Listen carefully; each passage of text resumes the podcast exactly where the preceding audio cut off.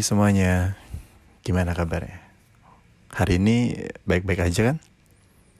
Hari ini di uh, obrolan kali ini, di podcast kali ini, gue cuma mau ngebahas tentang quarter life crisis.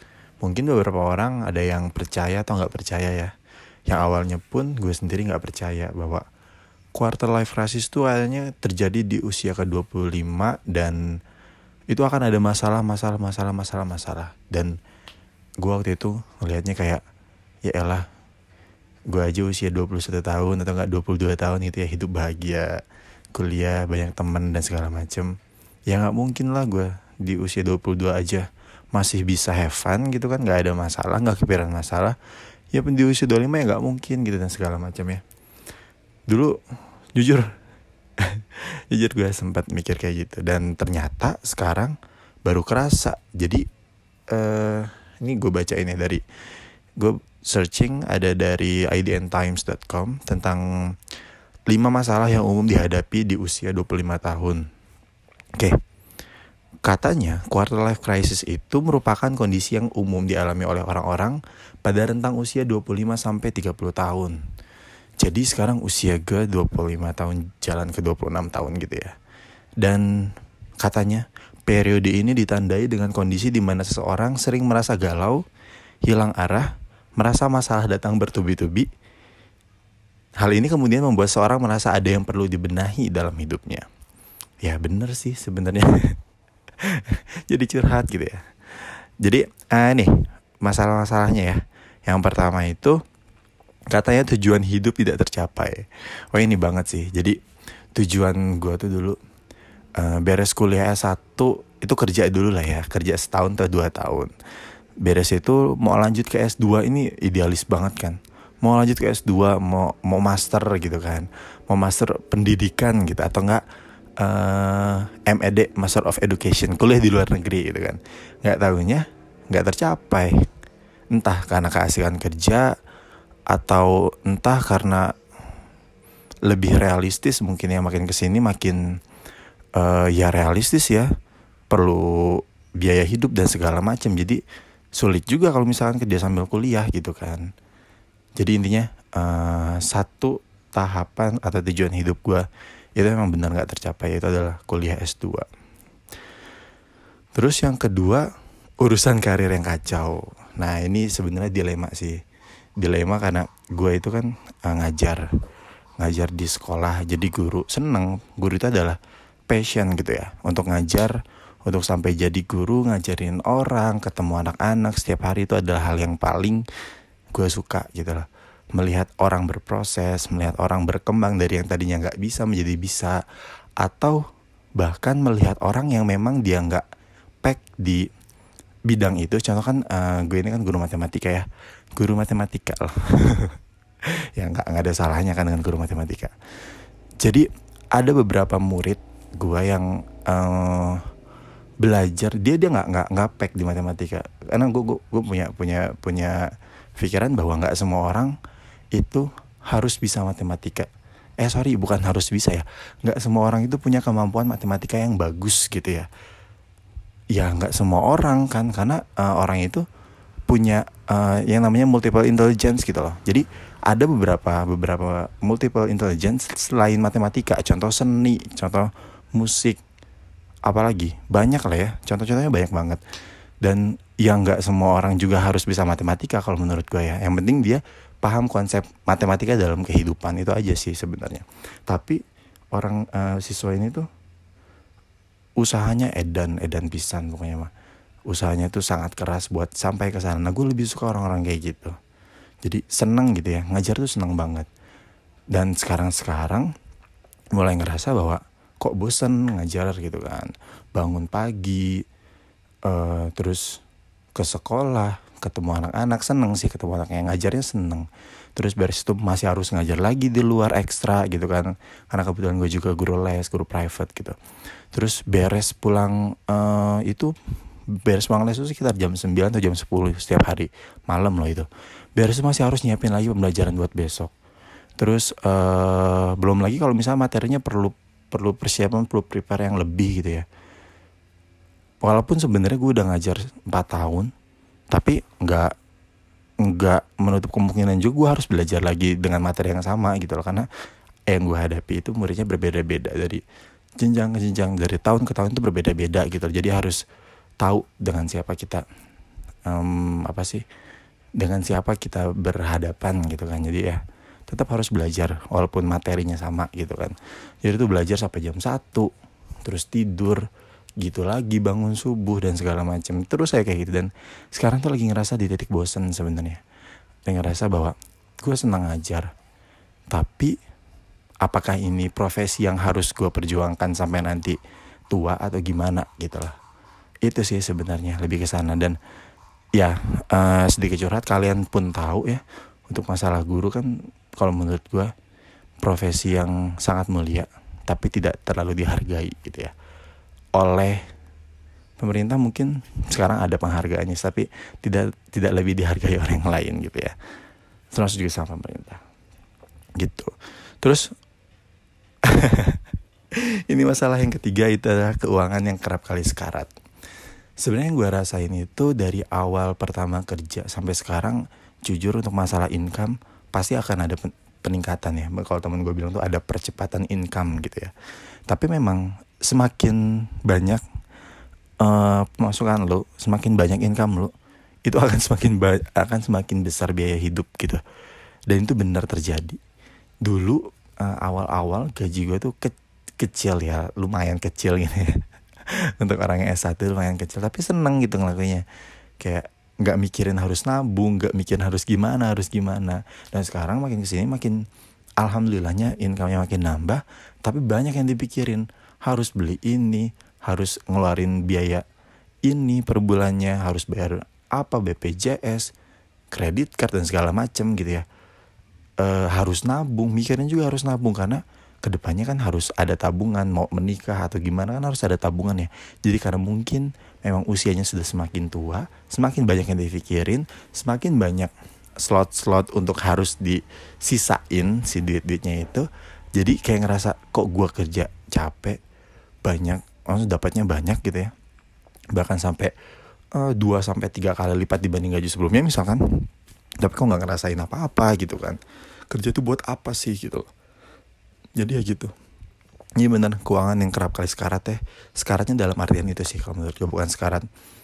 Malah income-nya turun kayaknya nggak mungkin. Income-nya pasti naik tapi kebutuhan berjalan lurus dengan pendapatan kalian. Oh ini deep sih. Karena yang keempat itu adalah kehidupan. Oh kamu merasa hidup tidak ada artinya. Oh ini deep. Jadi katanya makna dan tujuan hidup datang dari belajar siapa kita pengalaman-pengalaman, dan proses tumbuh sebagai pribadi. Tujuan hidup ketika kamu duduk di SMA mungkin akan berubah saat kamu berusia 25 tahun atau lulus kuliah. Ini juga udah gue rasain ya. Jadi uh, dulu sebelum pas SMA pengen jadi guru. Wah, wah udah seneng lah jadi guru lah, jadi guru matematika gitu kan. Tapi pas sekarang 25 tahun, iya jadi berubah kan jadi pikirannya oh, nggak bisa terus jadi guru matematika ini. Harus cari profesi lain yang seenggaknya realistis ya. Siapa sih yang nggak realistis? Yang seenggaknya pendapatannya lebih settle gitu loh. Terus cara tercepat untuk menghancurkan hidup adalah dengan meyakinkan bahwa hidupmu tidak memiliki arti. Wah ini deep banget sih. Yang mana hal ini akan memicu depresi bahkan kejahatan Solusi jangka pendek untuk masalah ini adalah perbanyak kesibukan agar kamu bisa bereksperimen dan mendapatkan perspektif yang berbeda dalam memandang segala segala hal. Ya, karena mungkin di fase ini juga inner circle kita itu pertemanan kita tuh sempit ya. Jadi nggak kayak dulu pas kuliah banyak banget kan, banyak banget teman ketemu di jalan aja, sapa sapa aja gitu ya. Itu bisa nganggap ya itu teman gitu kan. Inner circle kita tuh lumayan luas lah pas kuliah. Jadi banyak pandangan-pandangan terhadap satu masalah. Jadi makanya mungkin nggak terlalu terlalu larut dalam masalah. Tapi di usia segini gue rasa kalian juga bakal ngerasa kalian juga akan ngerasa hmm, inner circle kita itu makin mengecil. Hanya itu-itu aja. Hanya sebatas teman kantor, hanya sebatas teman yang dulu dan masih in touch gitu kan dan nggak semuanya gitu lah. Ya jadi memang mungkin kita memang harus menambah inner circle atau menambah ngobrol sama orang untuk mendapatkan perspektif yang berbeda dalam pandang segala hal.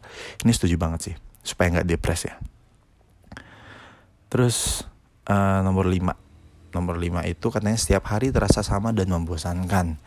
Ya ini tadi udah dijelasin juga kan. Jadi gitu-gitu aja ya hidup teh flat gitu ya. Jadi hidup bisa membosankan jika kamu tidak produktif katanya. Bahkan gue yang produktif aja, menurut gue, gue produktif ya. Sombong ya. Enggak karena gue harus kerja dari jam 7 sampai jam 10 malam. Kurang produktif apa coba? Solusi untuk masalah ini adalah kamu harus menjalankan kebahagiaanmu dengan penuh sukacita dan membuatnya bermakna. Bahkan terkadang zona nyaman juga justru membuat hidupmu terasa statis dan membosankan. Untuk itu, kamu perlu keluar dari zona nyaman dan bereksperimen dengan hal-hal baru. Harus diakui bahwa usia 25 tahun ini atau quarter life crisis itu merupakan salah satu fase hidup yang paling menantang. Oh gitu ya. Jadi ini katanya fase hidup paling menantang loh.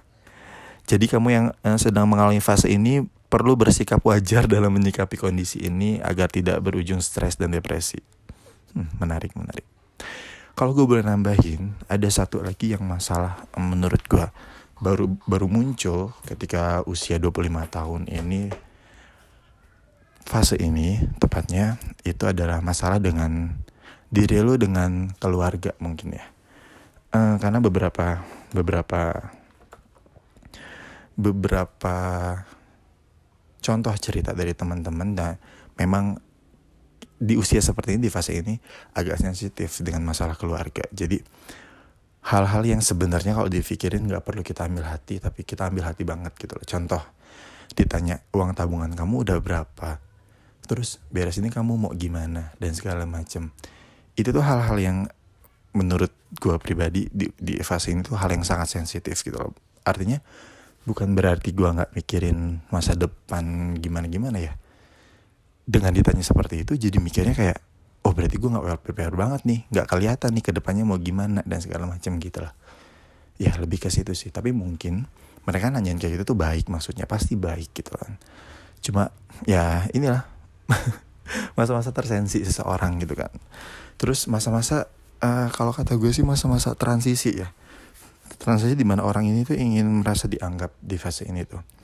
Jadi ketika ada kejadian yang merasa bahwa dirinya nggak dianggap apalagi dalam lingkup keluarga itu deepnya tuh depresinya tuh dapat sih menurut gue ya dapat banget kok menurut gue depresinya. Jadi orang-orang di masa ini tuh uh, biasanya dia ingin mempunyai suara. Suara dalam uh, keputusan yang diambil di keluarga kecilnya gitu. Kalau misalnya ada masalah dia pengen tahu dan dia ingin memberikan solusi. Tapi yang dirasain oleh orang fase ini itu kebanyakan ini bukan cerita pribadi ya tapi beberapa orang juga sih termasuk pribadi juga gitu ya. jadi uh, katanya itu uh, ya uh, fase ini tuh kayak gue gue mau terlibat loh dalam masalah keluarga. Kenapa sih kalian tuh nggak bilang nggak cerita ke gue dan segala macem gitu. Dan gue berusaha untuk ngasih solusi ini gini gini dan segala macem. Tapi kenapa nggak didengar gitu? Dia lebih ke situ sih. Apalagi mungkin buat orang-orang yang belum menikah ya untuk di 25 tahun ini ya jadi mungkin masalah itu akan sangat kerasa gitu loh apalagi melihat uh, bahwa teman-temannya yang lain sudah menikah, sudah berkeluarga, tapi kok gue di keluarga kecil aja merasa tidak dianggap dan segala macam. Gitu sih paling. Ya, ini uh, kalau menurut gue sih uh, fase quarter life crisis itu gue pun nggak tahu ya endingnya di mana dan bakal gimana itu gue nggak tahu. Tapi setiap hidup manusia itu pasti akan ada proses masalah. Dan gue percaya masalah itu datang kepada sesuatu individu kepada suatu individu kepada suatu manusia itu pasti disesuaikan dengan kemampuannya. Jadi jangan terlalu overthink ya. Jadi jangan terlalu takut gitu ya. Sesuai dengan judul podcast ini. Walaupun isinya semuanya terlalu takut gitu kan tapi ini benar kalian jangan terlalu overthink jangan terlalu takut. Karena uh, ketika kita bisa menyelesaikan suatu masalah artinya kita akan next level kita akan naik kepada level berikutnya yang masalah itu akan lebih sulit. Gitu. Jadi uh, hidup itu sudah ada yang ngerancang gue percaya banget hidup itu sudah ada yang ngerancang sudah ada yang menakdirkan bahwa beres ini ada masalah apa. Beres ini ada masalah apa. Dan masalahnya itu akan selalu naik stage. Kalau misalnya kita main game itu ya uh, stage 1, stage 2 dan seterusnya itu kan pasti akan berbeda. Gitu tingkat kesulitannya. Dan kita bisa melewati stage 4 misalkan karena kita udah berhasil di 1 sampai 3 gitu.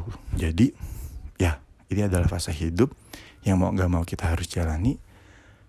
Uh, rasain aja. Kalau menurut gue rasain aja. Sedihnya di mana gak enaknya di mana keselnya di mana itu rasain. Wajib wajib dirasain. Dan jangan disangkal. Uh, karena perasaan negatif kalau misalkan kita nyangkal itu nggak akan gak akan beres. Jadi rasain aja terima aja. Terima bahwa oh iya aku memang seperti ini misalkan. Atau oh iya memang keadaanku seperti ini tidak seberuntung orang-orang yang dilihat dan segala macam. Terima aja. Jadi jangan disangkal. Karena itu adalah proses untuk pembelajaran diri untuk kedep uh, ke depannya akan lebih baik lagi. Gitu. Jadi buat kalian yang yang ada di dalam tahap ini tetap semangat tetap jaga kesehatan kalian. Ingatlah kesehatan mental itu number one. Kesehatan mental itu yang paling penting dibanding kesehatan yang lain. Oke. Okay. bye semoga hari-hari kalian sangat menyenangkan Semoga siapa pun yang mendengarkan podcast ini bisa mengambil hikmahnya. Uh, ini podcast gue monolog sendiri ya, bercerita sih, lebih ke bercerita. Mungkin nanti ke depannya akan ada podcast sama orang kita ngobrol tentang quarter life crisis atau tentang overthink dan segala macam. Oke, okay, bye. Selamat siang dengan Afri di sini. Sampai bertemu lagi nanti.